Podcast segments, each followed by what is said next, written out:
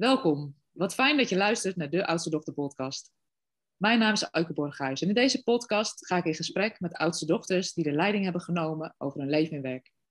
In deze podcast ga ik in gesprek met Iris Meulendijk. Iris Meulendijk is oprichter van administratiekantoor Advies Anonu sinds 2004, maar deed daarvoor echt hele andere dingen en dat maakte me nieuwsgierig. Hoe word je van binnenvaartschipper ondernemer? Daarover ga ik in gesprek met Iris. Welkom Iris, wat fijn dat je er bent. Dankjewel, ik vind het ook leuk om er te zijn. Ja. Hey Iris, hoe hebben we elkaar ooit leren kennen? Weet je dat nog? Ik denk dat dat was via Mira, of niet? Ja, klopt. Ja, hè? Ja. ja. Dat was via Mira. Toen heb jij denk ik contact met uh, ons gezocht. Ja. Omdat jij op zoek was naar een boekhouder. Klopt, klopt. Hey, en wat onders ja, zou je eens wat meer kunnen vertellen over um, uh, het gezin waarin je bent opgegroeid? Het gezin waarin ik ben opgegroeid. Ja, dat bestaat uit mijzelf als oudste dochter, hè? oudste ja, ja. zus, zeg maar. Daaronder, een jaar onder mij, komt uh, een zus. En daar nog weer drie jaar onder een broer. Ja. En als je kijkt naar het gezin, hoe zou je dat omschrijven? Met wat voor nest kom je? Ja, ik ben uit een arbeidersgezin. Vader in een fabriek, moeder achter de kassa. Ja. En uh, wel een heel open gezin. Mijn, mijn moeder heel extravert, mijn vader heel introvert.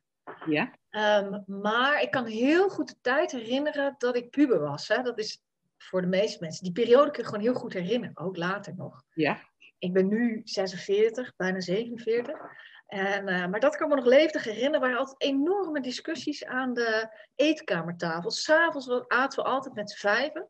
Ja. En daar ging het altijd over, het maakt niet uit wat. Of het nou seks was, of de economie, Ja. of uh, wa wat er ook speelde. We hadden altijd wel een onderwerp om over te discussiëren. En dat staat me nog heel goed bij. Ja, want wat, wat typeerde je als puber? Dat je zegt, wij hebben heel veel van dat soort gesprekken gehad. Ja, nou ik vond uh, school afschuwelijk. Ja. Dat, uh, dat wel, maar ik had een hele brede interesse nog steeds overigens in allerlei onderwerpen. Ja. Uh, en um, wat mij als puber typeerde vooral, en dat kwam eigenlijk van heel jongs af aan, was dat ik alles zelf wilde doen. Alles. Ik, ik deed alles zelf. Ja. en ik weet ook nog goed dat ik uh, op een, op een ik denk op mijn achttiende of zo, een, een uh, vakantiebaantje had. Ja. Op zo'n groot, zo'n cruiseschip waarmee je over de Rijn kan varen. Die varen met alle mensen, varen allemaal mee. En daar moest, gingen we iets doen waarbij we elkaar moesten omschrijven. Met die hele groep medewerkers. En toen zeiden ze van, Iris, die is niet geboren, maar die heeft zichzelf uitgevonden. Omdat ik zo heel erg uh, alles zelfstandig deed, weet je wel. Zo. Zo, zo erg dat ze zelf dachten, nou, dan heb je jezelf ook uitgevonden. Wow. Wow. Toen dacht ik, oh, dat was wel een eye-opener. Want ik wist toen niet zo goed of ik dat nou positief of niet positief. Ik was ook pas 18 natuurlijk. Hè. Ja, het, het, het, het, raakte je. Wat heb je daar vervolgens mee gedaan? Wat ben je daarover nou, Op dat moment niet zoveel. Was ik ook nog niet echt toe in staat om, om dat stukje zelfreflectie op te brengen. Ja. Omdat ik ook nog veel te veel vast zat in het stramien met van wat ik had meegekregen van mijn ouders, hoe ik eigenlijk was gevormd. Ik was meer gevormd door mijn opvoeding dan dat ik mezelf was. En nu is dat omgedraaid. En, en dat, dat uh, werken daaraan, dat kwam eigenlijk pas rond mijn dertigste dat ik daarmee bezig ging. Ja, want je, je zegt, hey, ik ben heel erg gevormd door mijn opvoeding. Wat heb je, wat heb je meegekregen uit je opvoeding? Nou ja, mijn moeder die was vrij extravert, maar ook wel een beetje zwaar op de hand. en, ja. um, dus, en sfeer bepalend in huis. Dus alles moest eigenlijk altijd lopen. Iedereen moest zo'n soort van in de houding springen en doen ja. wat er nodig was om te zorgen dat alles op rolletjes liep en dat de sfeer goed bleef. Ja. En dat veranderde wel wat toen wij aan het puberen gingen. Want toen ging iedereen, alle drie gingen zich er tegen verzetten. En toen dacht ze, oh wee, heel wee, nu kan ik niet meer goed winnen. Ja. en uh, dus toen hadden we een beetje, of ja, meer, met z'n drieën wat meer front daartegen. Maar toen ik ja. jong was, ja, dan kun je eigenlijk niet anders. Dan weet je ook niet beter dan dat is de opvoeding die je meekrijgt. En zo hoort het, zeg maar. Ja, het zijn toe van die stemmetjes waar je soms helemaal niet bewust van bent, die je ook op andere ja. contexten gewoon toepast, hè? Ja. Ja, en later ben ik me dat gaan realiseren. Ja. Dat die stemmen in je hoofd die je hoort, En die je ook wel gebruikt bij je eigen kinderen dan vanzelf. Ja. En dat dat is wat je vroeger hebt meegekregen. En dat het helemaal niet zo hoeft te zijn. Dat je, daar zelf, dat, je dat dus kunt veranderen. Ehm, en dat, dat ben ik me gaan realiseren toen, toen mijn zoon op de basisschool zat. En toen kreeg hij een fantastische juf. Ja. En ik ging op een dag mee naar de bibliotheek met de hele schoolklas. Ze had twee ouders nodig voor begeleiding. Ik zei, nou, Ja. ik ga wel mee. Ja. En toen moesten we buiten wachten. En die vader die mee was, die dacht... Oh, er gingen twee klassen mee. Maar 60 door elkaar schreeuwende, rennende kinderen... bij een straat voor de bibliotheek. En hij zei... Iris, help, hoe gaan we dit rustig krijgen? Ik zeg, nou, gewoon rustig blijven en observeren. Maar eigenlijk wist ik het ook niet zo goed. En toen kwam de juf naar buiten. En die zei heel zachtjes... "Sst, sst, jongens, ik wil wat zeggen. En ze ging bijna fluisteren buiten, hè, met alle Ja. Dus al die kinderen zo tegen elkaar... Jongens, juf wil wat zeggen. Stil nou! Gingen ze tegen elkaar. En, en het werd heel stil en rustig. Want anders kon je de juf niet horen. En toen dacht ik... Oh, die doet het goed. Eh, en dat was echt zo. Dat, toen dacht ik van, oh ja, oh ja, je kunt het ook anders. En toen begon ik me te realiseren dat het stemmetje in je hoofd ook kan veranderen. Daardoor. Ja, en wat, en wat heeft je dat opgeleverd, dat dat stemmetje in je hoofd is gaan veranderen? Nou, daardoor ben ik een veel leukere moeder geworden. Ja, ja. ja dus dat is dan... Maar niet alleen dat. Je krijgt er wat meer geduld van. Eh, weet je, mijn moeder was heel ongeduldig. Dat heb ik meegekregen. Eh, en dat, dat kun je zelf trainen natuurlijk. Heel veel dingen Ja. zijn trainbaar. Ja. En want een van de dingen die je eigenlijk beschrijft over, over de jeugd of over je opvoeding is dat je zegt, school vond ik verschrikkelijk, maar ik was heel nieuwsgierig en wilde van alles leren. Ja, ja dat, ik vond het wel heel gezellig op school en ik was geïnteresseerd in heel veel dingen. Ja. Maar het feit dat je gewoon stom zo'n boek uit je hoofd moest leren om daar dan een toets over te doen, dat heb ik nooit begrepen. Nee. Nee. Dat begrijp je nu volgens mij nog steeds Nee, niet. nee, nog steeds niet. nee, klopt. Nee, nee want, hoe, want hoe voed jij jezelf? Je nieuwsgierigheid, je verwondering? Hoe- Heel veel lezen. Ik lees zeker eh, één of twee uur per dag wel. Wauw. En wat voor soort boeken lees je dan? Eh, boeken als in, eh ligt er hier eentje die heet, ehm, ik heb net gelezen De aandacht verloren. Ja? Ik weet echt niet meer van welke schrijver, maar google hem. Ja. Eh, fantastisch boek over hoe we, ons, hoe we ons concentratievermogen verloren zijn in de loop der tijd. En dat komt echt niet alleen door ons mobiele telefoon. En nu ben ik aan het lezen, hoe kan je eh, tot vijf tot, tot drie uur s middags werken. En Ja. daar toch hetzelfde werk afkrijgen. Ehm, dus dat lees ik, maar ik lees ook ehm, gewoon romans, vind ik ook fantastisch. Of boeken over de Tweede Wereldoorlog. Of eh, biografieën of zo, van alles. Ja, dus eigenlijk alles wat los en vast zit, waar, waar je nieuwsgierigheid door getriggerd wordt, daar, eh, daar verdiep je in. Ook al hoe worden we oud? Hoe word je gezond oud? Zo'n pil, net gelezen. Ja, Ja, en daar steek je toch elke keer weer wat van op. gaaf. Ja. Nee, want even, even terug naar je opvoeding. Eh, flink gepubert. Wat ben, je, wat ben je daarna gaan doen, nadat je de middelbare school had afgerond? En toen begon ik pas te puberen, want toen kon het pas echt, omdat eh, ik toen uit huis ging. Oké, ja. ja, ik was heel jong uit huis. Toen eh, ben ik eerst een beetje twee jaar gaan rondzwerven. Ik heb wat universiteit geprobeerd, en, eh, maar dat was ook hetzelfde, alleen maar stampen. En ik dacht, nou, nu moet het niet meer. Nou hoeft het, dus ik doe het niet meer. Ja. Daar ben ik mee gestopt. En, en toen ben ik eh, uiteindelijk na twee jaar omzwerving en allerlei baantjes gedaan te hebben in de binnenvaart terechtgekomen. Ja. Dat heb ik tien jaar gedaan. Hoe is dat zo ontstaan in de binnenvaart? Niet me- meteen een plek voor vrouwen. Ik ben heel benieuwd hoe dat is gegaan. Ja, nee, maar dat was via dat opstapje, omdat ik een bijbaantje ging zoeken. Ik ging in de zomer werken op zo'n passagiersboot. Ja. En daar ontmoette ik iemand waar ik een relatie mee kreeg. Die was daar machinist. En die had dacht ook van, ach, ik doe normaal altijd binnenvaart. Laat ik eens een uitstapje maken naar Ja. de passagiersvaart. Nou ja, en uiteindelijk ging hij weer terug naar de binnenvaart. En ik dan aan mijn studie beginnen, wat uiteindelijk helemaal op niks eindigde. En toen dacht ik, ach, ik ga ook maar eens gewoon in die binnenvaart kijken of dat leuk is. Lekker dynamisch en eh, een beetje buiten, een beetje binnen leren varen. En, eh, en daarna zien we het wel. En toen ben ik er gewoon tien jaar blijven plakken. Ja, maar niet alleen gewoon meewerkend op de boot, maar volgens mij ook echt als kapitein. Ja, ik heb wel al mijn papieren gehaald en ik heb inderdaad ik heb software gebouwd daar, want we voeren met containers. En die moesten dan precies op de juiste manier in het ruim worden gezet, om te zorgen dat je, want je had twaalf plekken waar je moest laden en twaalf plekken waar je moet lossen, en anders moest je te veel verplaatsingen doen en elke verplaatsing kostte weer geld. Dus hoe minder, hoe beter. Ja. Dus ik kon wel mijn ei kwijt daar. En uiteindelijk eh, ja, ben ik daar als, e-, echt in mijn eentje ook, met matrozen en een stuurman, uh, heb ik denk ik een jaar of zeven of zo, de eerste drie jaar leren en daarna zeven jaar echt als kapitein gevaren. Ja. Wat bijzonder. Ja, ik, ik vind het zelf wel. Ja, ik, ik heb ook uh, ik heb altijd wel ambitie gehad om iets te doen waarbij je dus niet alleen maar op je billen achter een bureau zit. Ja.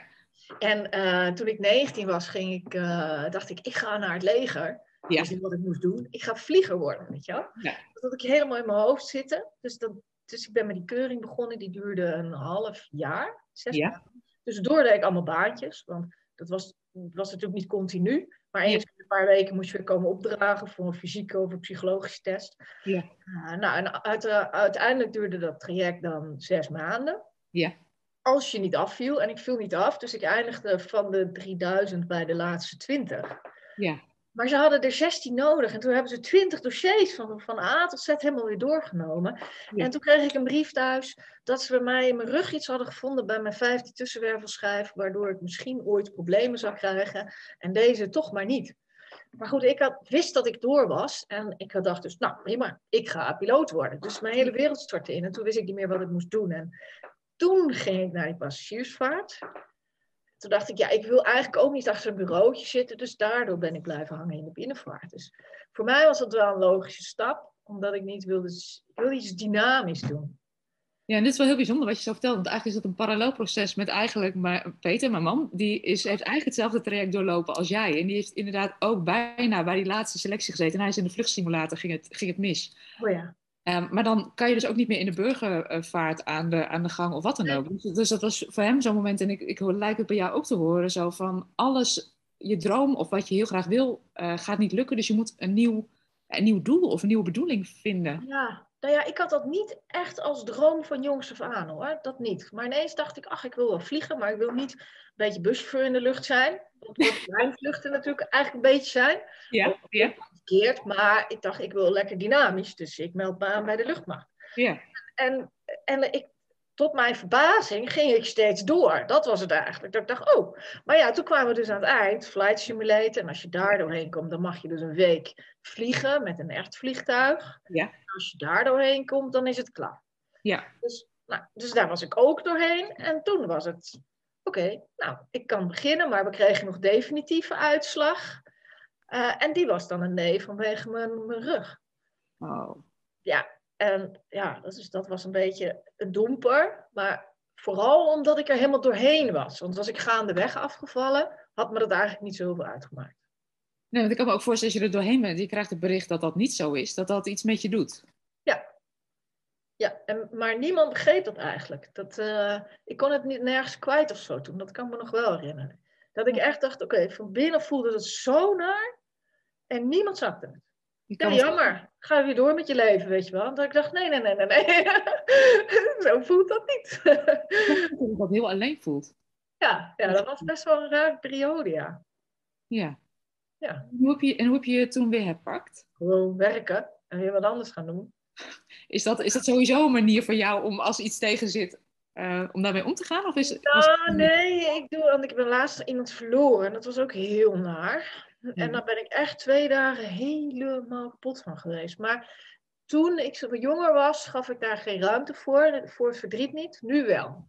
Maar dat komt dan wel vrij vlot. En daarna denk ik ook, af en toe denk ik er nog wel terug. Heb ik wel een beetje verdriet nog. Maar voor de rest ja, gaat het leven ook gewoon weer door. Ja. Ja, dat wel. Ja, dus in die, in die periode heb je eigenlijk herpakt, hard werken. Toen die binnenvaart in op dat cruiseschip. Waarbij ze zeiden, Iris heeft zichzelf uitgevonden.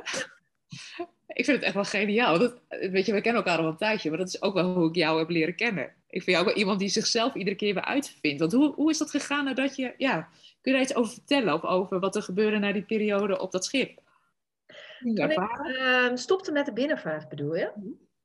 Ja, dat was toen ik zwanger werd. Toen dacht ik, ja, uh, wil ik een kind dat uh, op een internaat terechtkom? Nee. Wil mijn partner varen? Nee.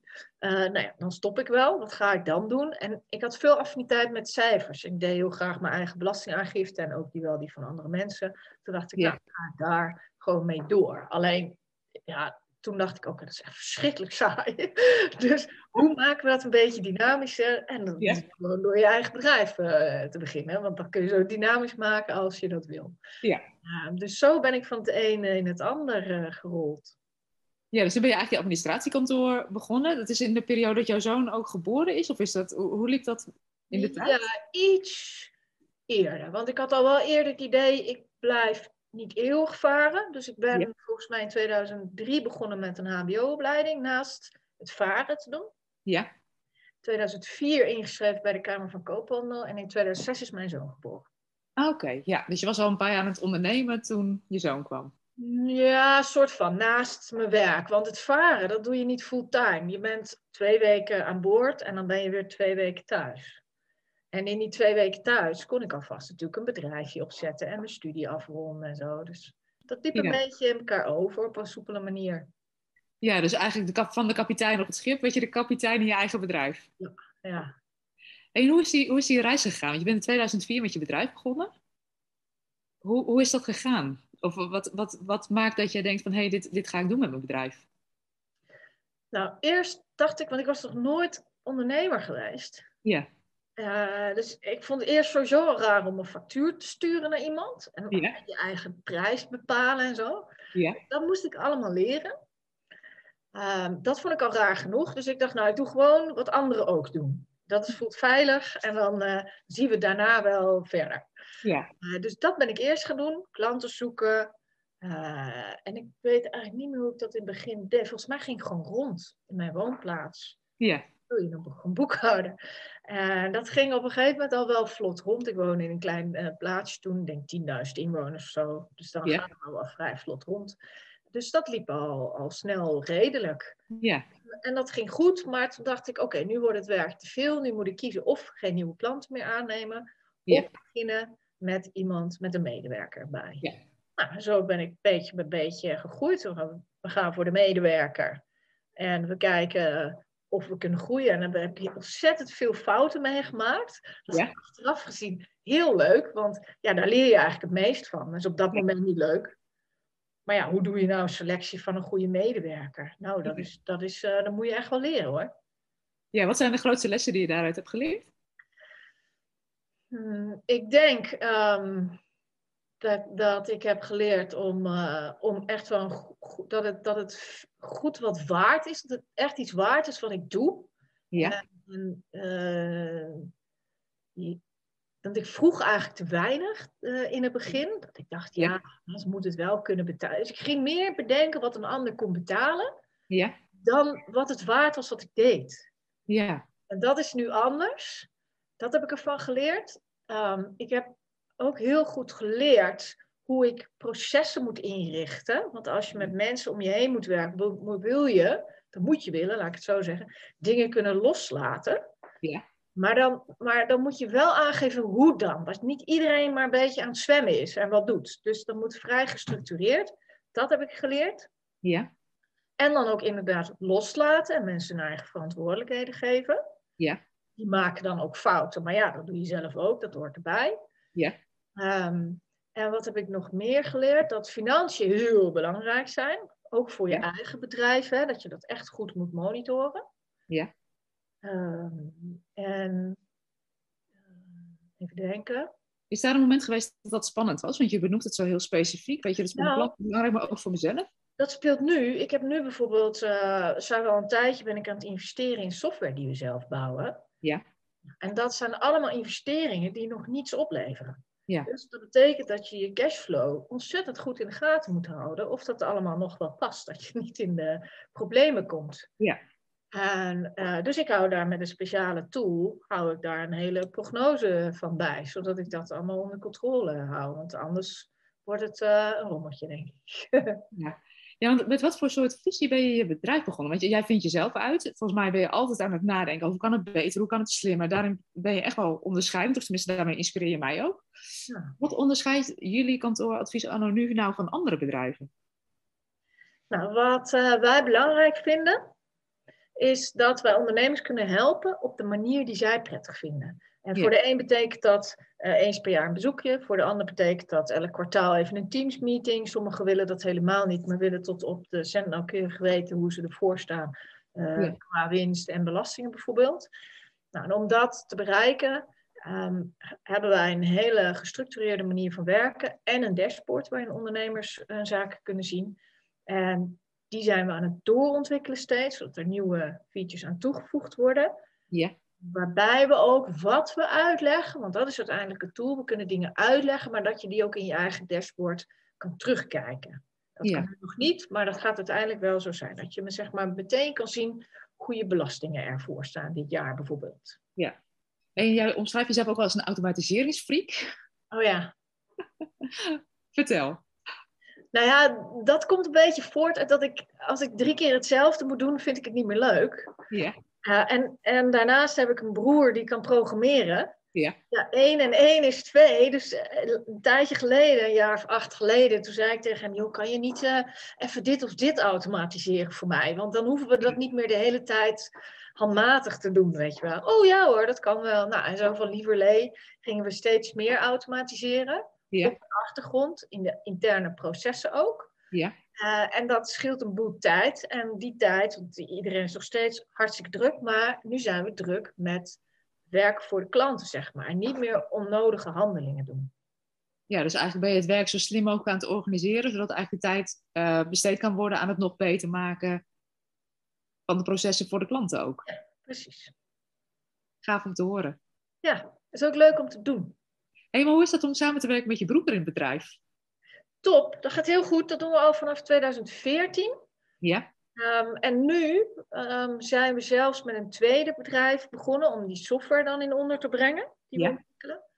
En daar zijn we ieder voor de helft uh, aandeelhouder. Dus nou uh, gaan we voor het EGI. Tot nu toe heb ik hem namelijk in het administratiekantoor steeds ingehuurd als Oh. freelancer. Ja. Uh, en, maar wel met het doel, als we software gaan ontwikkelen, dan gaan we samen een bedrijf eh, beginnen. En dat doen we nou.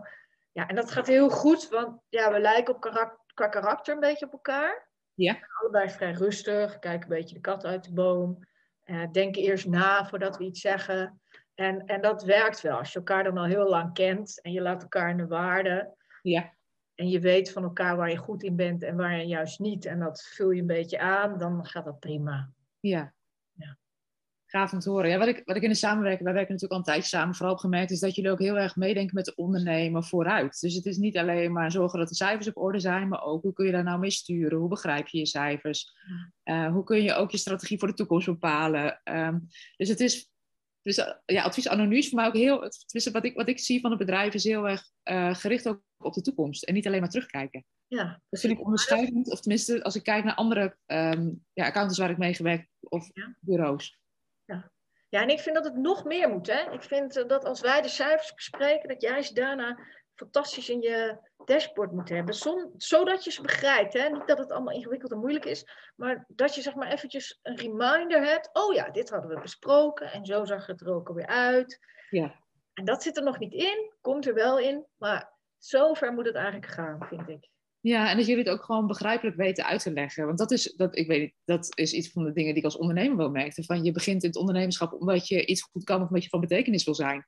En wat er allemaal bij komt kijken, ja, die cijfers en die, die cijfermatige taal. Dus het, in het begin is het echt net alsof je een goocheldoos opent en denkt, waar hebben ze het over? Ja, klopt, ja. En, en dat je zo langzamerhand gewoon weet waar je het over hebt. En dat je ook merkt dat je steeds meer ook uh, gelijkwaardige gesprekspartner bent in, in uh, dat soort dingen. En helemaal niet qua inhoud over de financiën, maar wel van, hé, hey, hoe ga je die strategie pakken? Wat pak je wel of wat pak je niet op? Precies. Dat is mooi om te zien.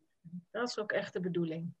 Ja, maar je bent niet alleen bezig met je eigen uh, bedrijf, maar ik zie jou ook landelijk actief. Wat ben je daar aan het doen? Dus als bestuurder actief. Misschien is dat een beter woord. Je bent als bestuurder actief. Ja, ik ben, nou, dat was met name vorig jaar. Ja. Uh, was ik heel actief in het bestuur van uh, een vereniging. Ja. Uh, die van allemaal kantoren, zo moet ik het zeggen, die met Exact Online software werken. Ja. Ja. En daar ben ik nu nog wel lid van, maar niet meer in het bestuur. Ja. Uh, omdat ik nu dit jaar echt wilde focussen op dat tweede bedrijf wat we aan het starten zijn. En ja, je kunt maar een paar dingen goed doen. Als je heel veel dingen doet, doe je ze allemaal half. Ja. Dus toen heb ik gezegd, dan stop ik er dit jaar mee. Uh, en, maar het was wel ontzettend leuk om uh, te doen. Dat heb ik anderhalf jaar gedaan. Ja. Dat was wel heel erg tof. Ja, want welke andere dappere keuzes heb je nog meer gemaakt? Nou, dat valt wel, dat denk ik niet zo heel veel, volgens mij. Ja, wat, voor, wat, voor, wat zijn momenten geweest achteraf gezien waar je denkt, oh, de achteraf gezien is dat echt een keerpunt geweest in mijn leven? Oh ja, dat was eigenlijk wel die twee keer coaching die ik heb gevolgd. Dat ja. waren allebei mensen die me wel wat inzicht hebben gegeven over hoe je jezelf nog weer wat beter kunt begrijpen. Uh, en worden wie je wil zijn. Ja, en ik vind het wel interessant, worden wie je wil zijn of worden wie je bent. Waar, waar, zit, waar zit die nuance in voor jou? Hmm, nou, je kunt wel worden wie je bent, maar vergeet niet dat je ook een beetje bent zoals je opgevoed bent. Ja. Dus, en dat stukje, dan kan je kiezen of je daar bepaalde aspecten wel van wil of niet. En dan kun je de aspecten die je niet wil, daar kun je dus aan werken om die niet meer te zijn, zo niet meer te zijn. Dus dan is het dus worden wie je wil worden en niet worden wie je bent. Ja, dus dat, dat laat ook groei zien, dat laat ook ontwikkeling zien. Ja. Ja, maar je ziet dat automatisch gaat het wel als je wat ouder wordt. Hè? Als je bijvoorbeeld met 60-plussers praat, die hebben een boel levenservaring, die zijn een stuk rustiger, die kunnen wel beter reflecteren. Als je jong en eager en dynamisch bent, dan laat je je nog veel meer leiden door je ego en dat soort zaken. En, en als je dat jong al leert, vind ik, om, om dat soort, om je ego uit te schakelen, om te zijn wie je, wie je wil zijn, om ja. daaraan te werken, ja, dan heb je een grote voorsprong op, op heel veel mensen die zich maar gewoon laten leiden door de waan van de dag en hun ego. Ja, want eigenlijk laat je hier ook zeggen, want, en dat herken ik zelf ook wel, eh, als je kijkt naar, als je opgroeit, je laat je vaak leiden door je, door je omgeving, hè, van wat je leert in dat schoolsysteem, wat je leert in je opvoeding. Uh, waardoor je eigenlijk best wel ver bij jezelf weg kan raken. En ja. vaak allemaal zo'n moment dat je denkt, ja, maar zo wil ik het niet meer. Maar wat wil ik dan wel? Dat dat dan zo'n zo'n zoektocht is. Is dat ook een moment geweest dat jij die coach hebt ingeschakeld? Nou ja, dat was de eerste coach was toen mijn zoon een jaar of twee was. Dat ik dacht, oké, ik doe alles precies hetzelfde als mijn moeder. Maar dat wil ik helemaal niet. ik wilde niet per se anders doen. Maar ik wilde vooral de dingen waarvan ik vroeger vond dat ze echt niet fijn waren. Die ja. wilde ik niet doen. En ik merkte dat ik geen andere voorbeelden had gehad en dat ik niet wist hoe het dan wel moest. En, dus ik ben, maar ik ben dan niet naar iemand geweest die me heeft leren opvoeden, maar ja. gewoon iemand die me heeft geleerd in het nu te zijn. Um, en gewoon wat meer, uh, met, ik ben heel sensitief, dat sensitieve allemaal wat te accepteren en daarmee om te leren gaan. Dat helpt al heel erg als je leert in het nu te zijn.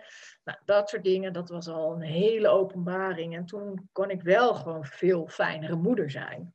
Ja, ja, en dat is ook wel heel mooi dat je eigenlijk ook beschrijft van, weet je, dat moederschap is dan eigenlijk zo'n keerpunt of zo'n bewustwordingsmoment dat je denkt, want dan worden vaak ook die patronen die je van huis uit mee hebt gekregen heel zichtbaar, hè? Nou, ja, ja, ja, ja. ja. Hoe zou je zelf verder op moederschap omschrijven? Nou, ik vind het heel tof om moeder te zijn. Ik vind vooral uh, de reis die, die een kind van jongs af aan, nou, nu is die puber dan, ja. naar puber gewoon aflegt en dan straks ook nog het restje. Uh, dat vind ik gewoon heel interessant. Want dat is ja dat is echt dynamisch. Het is elke keer weer anders. en bij elk kind ook weer anders. Ja, en wat leer je daarvan? Um, ik leer daar, ja, je komt jezelf heel erg goed tegen. Hè? Je, je ja. kind is heel vaak een spiegel van jezelf. Omdat ze, zeker als ze jong zijn, zeggen ze gewoon wat ze zien. Ja. Dus denk je, oh, oh, je bent niet aardig, man. Oh, dat was inderdaad niet zo aardig voor mij. Omdat op die ja, ja, ja. Dus, dus het is een beetje een spiegel. En dat leer, daar leer je dus een stukje bewustwording van. Moet je wel voor openstaan. Ja. Uh, en daar kun je dus wat mee doen dan op dat moment. Ja, en nu zijn we zover dat we tips en tops delen over elkaar. Oh, wauw. Wat was er top en wat is een tip, weet je wel zo. Ja, nou. ja want hoe oud is jouw, jouw zoon nu? Die is nu 16. Ja, want even terug, we kennen elkaar wat langer. Je hebt, je hebt natuurlijk een hele reis gehad dat je zei, het onderwijs vind ik gewoon stom.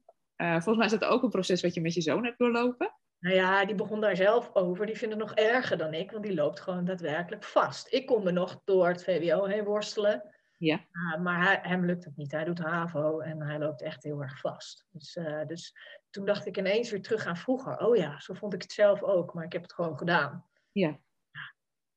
En nu hebben jullie een andere vorm gevonden. Klopt. In overleg met de leerplichtambtenaar en de school waar die op zat, zijn we daar gestopt. Dus hij hoeft niet meer, geen opkomstverplichting meer. Ja. Ehm, maar hij doet nu thuis LOE. Ja. En vanmorgen zei hij nog, oh man, als ik nou op school had gezeten, mam, dan had ik werkelijk helemaal niks gedaan. Want omdat alles zo tegen het lukt gewoon niet. En nu doet hij LOE en kan hij alles aanvliegen zoals hij het zelf wil. Eh, hij krijgt bijvoorbeeld uh, les in scheikunde, echt één op één les, omdat hij echt Ja. niet het vak vindt.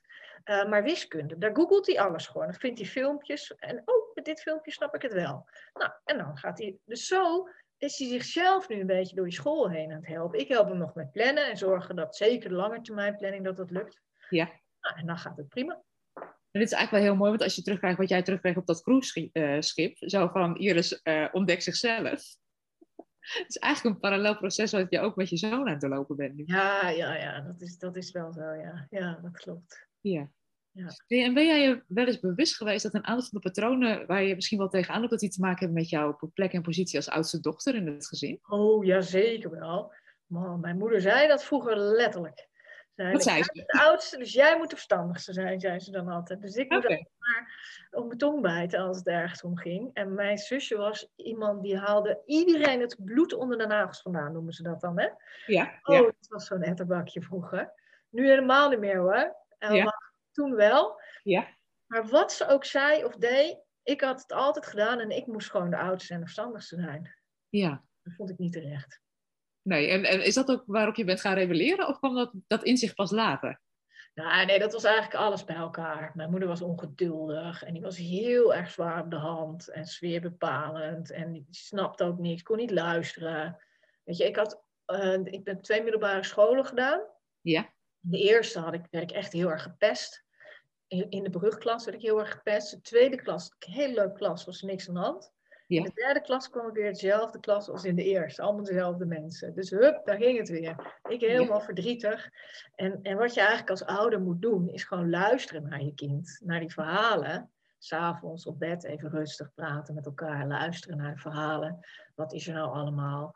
En, en doorvragen. En kijken, nou, waar komen ze zelf voor een oplossing mee? Ben je nodig? Moet je, hè, moet je inspringen? Moet je even naar school bellen? Whatever. Ja. Maar mijn moeder was alleen maar die. Ik had nog geen halve zin gezegd. Dan kwam ze alleen maar met oplossingen aan. En ik dacht, nee, dat wil ik helemaal niet. Ik wil gewoon alleen iemand die luistert, weet je wel. Ja. Dus en toen later dacht ik, oké, dit wil ik anders doen. Dit, uh, ik wil gewoon luisteren. Doe ik nog steeds. Met wat voor problemen er ook zijn met jongen.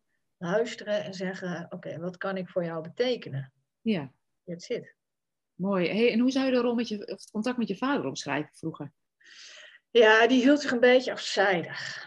Ja. Afzijdig van de opvoeding. Die werkte. En als hij terugkwam van het werk, want hij was altijd al begon heel vroeg, was om half vier al klaar.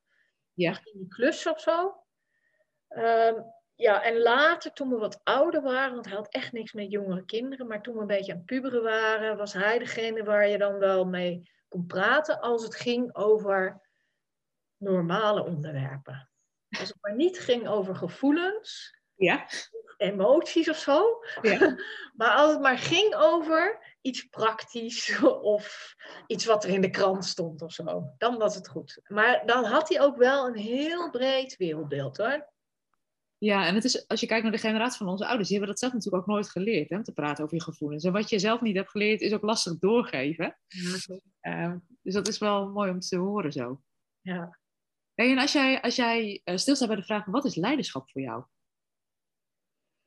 Ja, um, ik ben helemaal weg van het Montessori-principe. Ja? Mijn zoon heeft Montessori-school gedaan, maar het principe van Maria Montessori is, leer mij het zelf te doen. En ja. uh, dat, dat hanteer ik zeg maar als, uh, zowel bij mijn zoon als op kantoor met de medewerkers. Ja. Ik ben er altijd als ze me nodig hebben. Ja. En dan help ik ze als ze met problemen zitten. Ja. Wat soms betekent dat ik iets moet overnemen omdat het gewoon simpelweg te moeilijk is. Maar heel vaak leer mij het zelf te doen. Ja. Ja, en dat, daardoor zijn ze zelfstandig en kunnen ze een stukje autonomie in hun werk kwijt. En, en dat vinden ze prettig. Nu, nu moet ik daar nog wel goede feedback over krijgen. Ja. We zijn nu een uh, traject aan het volgen. Um, uh, waarbij dat door een externe partij ook helemaal wordt. Dat je die geven, doen enquêtes en uiteindelijk komt er een waanzinnig rapport waarin ik dan feedback krijg. Uh, en waarbij we dan meteen ook bijvoorbeeld een persoonlijk ontwikkelplan voor iedereen meenemen en dat soort zaken. Dus ik moet daar nog formeel feedback over krijgen, of dat ook voor iedereen werkt zo. Maar het is wel heel mooi, want eigenlijk, want als, je, als je het hebt over, over leiderschap, gaat het heel erg over potentieel ontwikkelen, je eigen potentieel, maar ook dat van je mensen. Maar dat, dat ben je dus ook volop aan het doen in je bedrijf. Ja. ja. En, je, en je benoemde net, je, je was een boek aan het lezen over hoe je uh, tot drie uur zou kunnen werken. Volgens mij is dat ook een experiment wat jullie vorig jaar in het bedrijf hebben gedaan. Hè? Dat jullie korter zijn gaan werken. Hoe... Ja. ja, dat doen ze nu nog. Ja, ik werk sowieso altijd een beetje wanneer ik zin heb.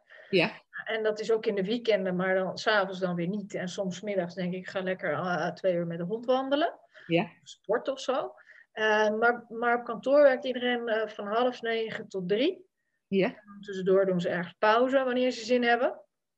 en dat werkt. Af en toe in heel drukke maanden lukt het dan één of twee weekjes niet. Ja. Maar over het algemeen wel. En wat levert dat de mensen op? Dat ze eigenlijk kortere werkdagen hebben? Ja, ze kunnen dan, um, ze werken ook veel thuis. Ja. Twee dagen in de week zijn ze op kantoor, de rest werken ze vanuit huis. Ja. Um, en ja, dan kun je gewoon andere dingen doen thuis. Je hebt geen reistijd, dus je gaat gewoon twee uur, je doet alvast boodschappen of je maakt alvast het eten. Uh, en dan s'avonds wil je sporten. Maar dan, je hebt net wat minder stress in die hele werkdag, zeg maar. Ja. Om ook nog je eigen dingen te kunnen doen. Het is wel vernieuwend, hè, hoe je dat doet. Ja, wel, maar ik denk ook wel dat het, dat het iets is van deze tijd. Dat we ons gaan realiseren dat je je niet acht uur lang kunt concentreren. Kijk maar eens naar jezelf. Kan jij dat? Ik niet. Nee hoor. Nee. Dus, dus leer, leer ook wanneer zijn jouw productieve uren. Die van mij zijn s'morgens vroeg. Dus s'morgens vroeg uit je bed. S'morgens ja. actief. En om één uur s middags een pauze. En daarna doe je alleen nog maar dingen waar je niet heel veel concentratie voor nodig hebt. Ja. Een beetje rommelen, zeg maar. Nou, Ja. dat werkt. Mooi om te horen. Ja. Als je ehm, andere oudste dochters nog een tip of een advies zou mogen geven, wat zou je andere oudste dochters voor advies willen geven? Ik denk ehm, op de rem trappen eh, van de baan, eh, de baan van de dag, zeg maar. Ja. Hè? Ja. Eh, want daar zitten toch al veel mensen nog in. Nou, zit jij er ook in, trap op de rem en neem veel rust. Ja. Uh, tijd om je hoofd gewoon te laten doen waar die zin in heeft. Dan komen er vanzelf ideeën naar boven over hoe je anders om kan gaan met bepaalde situaties of met uh, dingen die in jouw leven spelen. Um, en dat je daardoor een stukje zelfreflectie krijgt en waar je dan ook wat mee kan doen. Dan moet je daarna ook de stap nemen om er iets mee te doen. Ja, dus eigenlijk zeg je, je moet eerst uitzoomen om het weer helder te kunnen ja. zien. Of om ruimte te krijgen voor die invallen, voor die intuïtie die misschien uh, invalt, waardoor je daarna weer eigenlijk met minder moeite meer resultaat boekt. Of... Ja, je moet het zo zien. Ik heb natuurlijk net dat aandachtsboek gelezen. Ja. De aandacht verloren heet het volgens mij. Ik kan hem zo nog wel even googlen. Maar, ja. um, en daar wordt ook nog maar weer eens benadrukt, je kan niet de hele tijd met dat stukje hersens be bezig zijn, die frontale cortex die we hebben, zeg maar. Hè? Die Ja. neocortex, maar dan dat gedeelte waar we al het denkwerk mee doen. Daar, daar kan je niet de hele dag mee bezig zijn. En, uh, en daar komt ongeveer 10% of zo van wat wij, wat wij produceren uh, met ons hoofd, dat is bewust. 90% is onbewust. En Ja. alle geniale ideeën van Einstein of whatever, noem ze ook maar op, die ontstaan in het onbewuste. En daarna moet je ze in bewuste krijgen. Ja. Want anders komen ze namelijk nooit uit. Nee. Want wij zijn ons niet bewust van onze onbewuste hersencapaciteit. Dat is zo bijzonder. En Ja. om onbewuste ideeën bewust te krijgen, moet je niks doen. Moet je je hoofd gewoon zijn gang laten gaan. Ja. En dat is ontzettend belangrijk. En dat heeft eigenlijk niemand nog in de gaten. Niks doen is belangrijk. Ook niet een boekje lezen op de bank. Nee. Mediteren, prima. Niks doen. Ja, wandelen, je gedachten laten gaan, ruimte voor ingeven. Het zijn vaak die momenten dat je, dat je niet actief bezig bent, waarin eigenlijk je belangrijkste werk gebeurt. Nou, dat, maar ook om een stukje bezinning. Gewoon, en het zijn om, ik vind, ja, ik gebruik liever wat pragmatische woorden dan van die zweverige woorden. Dus ik ben wel pragmatisch ingesteld, maar het werkt wel zo. Gewoon, ja, gewoon niks doen en laat het allemaal maar eens gewoon eventjes zijn gang gaan. Dingen komen vanzelf op hun plek terecht. Ik zie ook heel veel mensen zich druk maken om kleine dingen, of piekeren, of wakker liggen om iets. Dan denk je, jongens, laat het los. Ja. En als je het loslaat, kijken wat er gebeurt. En vaak gebeurt het ineens allemaal toch wel goed, weet je wel. Ja, ja dus het gaat ook wel heel erg niet in de toekomst leven, maar in het hier en nu zijn met je aandacht. Ja. ja. ja. Mooi. Hey Iris, zijn er uh, dingen die ik je had moeten vragen die ik je niet heb gevraagd, die je nog zou willen delen? Mm. Nee, denk ik niet. Andersom wel. ik heb wel een vraag voor jou. Ja, stel hem, stel hem. Nou, ik wil dan wel eens weten, want ik heb een zus die is een jaar jonger. Ja. En want jij bent heel erg gericht op oudste dochters. Maar wat is nou het verschil tussen oudste dochters en dat je de tweede of de derde bent of zo? Ja, wat voor mij, wat ik zie als een rode draad bij de oudste dochters in het gezin, is uh, je, je bent er als eerste. Um, en daardoor zijn je ouders in het begin best wel veel gericht op jou.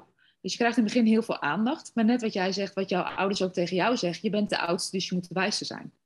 Dus wat ik eigenlijk zie bij heel veel oudste dochters, is dat ze van jongs af aan leren om heel veel verantwoordelijkheid op hun schouders te nemen, dat ook goed kunnen. Dus wat ik veel zie, is dat oudste dochters ook makkelijk leiderschapsfuncties vervullen. Dat wij heel erg aan het kijken zijn, we willen onze eigen gang gaan, we willen onszelf ontdekken, we willen datgene wat we zelf bedenken de wereld inbrengen. Uh, dus het zijn ook vaak ondernemers. Ah. En wat ik ook zie bij die oudste dochters is dat wij niet alleen kijken van wat um, voegen we toe voor onszelf of ons eigen, ons eigen bedrijf, laten we zeggen, of, of uh, de eigen organisatie waarvoor we werken, maar ook heel duidelijk van wat kunnen we versterken in dat geheel. Hoe kunnen we dat geheel versterken? Dus wat wij doen uh, met ons werk of ons bedrijf, dat um, moet ook een grotere impact hebben. Oh, oké. Ja, dat, dat klopt wel. Dat is bij mij ook wel zo, ja. En wat je veel ziet bij, oud, bij ouders, is dat ze vaak ook willen dat, uh, dat het goed gaat met hun kinderen. Want hoe, als het goed gaat met hun kinderen, gaat het eigenlijk ook goed met hun. Of, of zegt dat vaak ook iets over um, wat zij doen. Dus wij worden vaak ook gewaardeerd op wat we doen en minder op wie we zijn. Ah. Dus dat is ook de identificatie met ons, met ons werk. Ah, zo. Dus dat is wat ik, wat ik vaak zie bij oudste dochters. Um, en heel vaak merk ik ook wel dat jongere, jongere vrouwen of oudste zonen zeggen, ja, dat herken ik ook. Dus er zitten echt wel raakvlakken in, maar die, dat grote verantwoordelijkheidsgevoel, uh, veel verantwoordelijkheid dragen en dat ook goed kunnen, dat is echt typisch oudste dochter.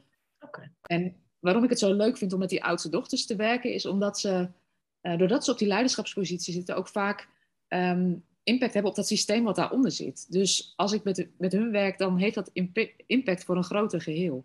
Oh ja, dat is waar. Ja, dat zou bij mij ook zo zijn, inderdaad. Ja, dat is al. Weet je, de, de, manier waarop jij je bedrijf leidt, waarop je je bedrijf stuurt, waar, waarop je eigenlijk altijd de kapitein op je eigen leven bent geweest in alles wat je doet. Um, ja, en we kunnen ook wel pionieren. Dus, dus we, zijn ook, we weten nog niet waar het naartoe moet. We hebben vaak wel een beeld en we zijn gaandeweg aan het ontdekken hoe we dat dan doen. Ja, dat is wel een goede tip trouwens. Dat je inderdaad jezelf ook beoordeelt op wie je bent en niet op wat je doet. Ja. Ja, dat is een belangrijke. En, en daarin is wel heel mooi wat je net als advies gaf ook. Want dat is ook, um, uh, we zijn vaak heel erg gewend om ons te moeten bewijzen door te doen. Terwijl wat jij heel mooi benoemt, ook die hersteltijd, uh, die rusttijd, dat die eigenlijk nodig is um, om de dingen te bereiken. En dat het dus ook een cyclische tijd is en niet alleen maar lineair. Dus dat, is, dat... Het is wel nodig dat je inderdaad daarvoor jezelf wel lief hebt, zeg maar, zoals je bent. Ja. Dat stukje zelfliefde moet er echt wel bij komen kijken, want anders wordt het allemaal echt een struggle, denk ik. Ja, en dat is iets waar ik wel mee werk met die oudste dochters. En wat ik, uh, en jij noemt het zelf ook, we zijn gewend om het alleen te doen. Dus veel oudste dochters doen het alleen. Um, en dat is een van de redenen waarom ik die vrouwen ook bij elkaar ben gaan brengen. Want je bent niet alleen, het, het lijkt soms alleen. En door de posities die we innemen op die leiderschapsposities, um, voelt het ook soms alleen. Want in die systemen ben je ook alleen. Hè? Want je kan heel erg sparren met, met andere, andere mensen, maar je hebt een andere positie in dat systeem. Klopt. Ja, ik spar meestal gewoon met mannen. Dat is, uh, komt, is veel voorkomender, zeg maar. Ja. ja, dus het is soms heel juist, juist die vrouwen ook met elkaar te brengen. En te zien, je bent niet zo alleen. Er zijn ook andere vrouwen die zo denken. Um, en die herkenning en dat elkaar verder helpen is ontzettend waardevol. Ja, ja, dus dat is, dat is de reden waarom ik me echt richt op die oudste dochters. Ze zijn gericht op het versterken van dat geheel. Ja, dat is gewoon fantastisch. Dus ik word daar heel blij van. Ja. Ja, ja. Leuk man. Ja. Ja, leuk interview ook zo. Ja, is er verder nog iets wat je wil delen of wil zeggen? Nee, zat ik wel even aan te denken, maar ik denk het niet. Nee. Nee. Dan wil ik je ontzettend bedanken voor dit fijne gesprek. Heel leuk om je zo uh, ja, nog, een, nog op een andere manier weer te leren kennen. Ik denk dat het ook voor de luisteraars interessant is. Waar kunnen mensen meer over je vinden? Nou, dat kunnen ze op onze website van het administratiekantoor, Advies Nu. Maar vooral denk ik op mijn LinkedIn-pagina. Ja, want daar ben je ook actief. Ja, als je zoekt op LinkedIn naar Iris Meulendijks, uh, dan uh, vind je mij en daar ben ik redelijk actief. Dus daar uh, vind je genoeg informatie. Heel leuk, heel leuk. Dankjewel Iris voor je tijd en voor het fijne gesprek. En dan wens ik je een hele fijne dag. Nou, jij bedankt voor het interview. Hartstikke leuk. Fijne dag. Dankjewel. Doei, doei, doei. Wat fijn dat je hebt geluisterd naar de Oudste Dochter podcast. In deze podcast heb je kunnen luisteren naar een gesprek tussen Iris Meulendijks en Eike Borghuis. Mocht je meer willen weten over Iris, neem dan een kijkje op haar LinkedIn-profiel. Je kunt haar daar vinden onder haar naam Iris Meulendijks.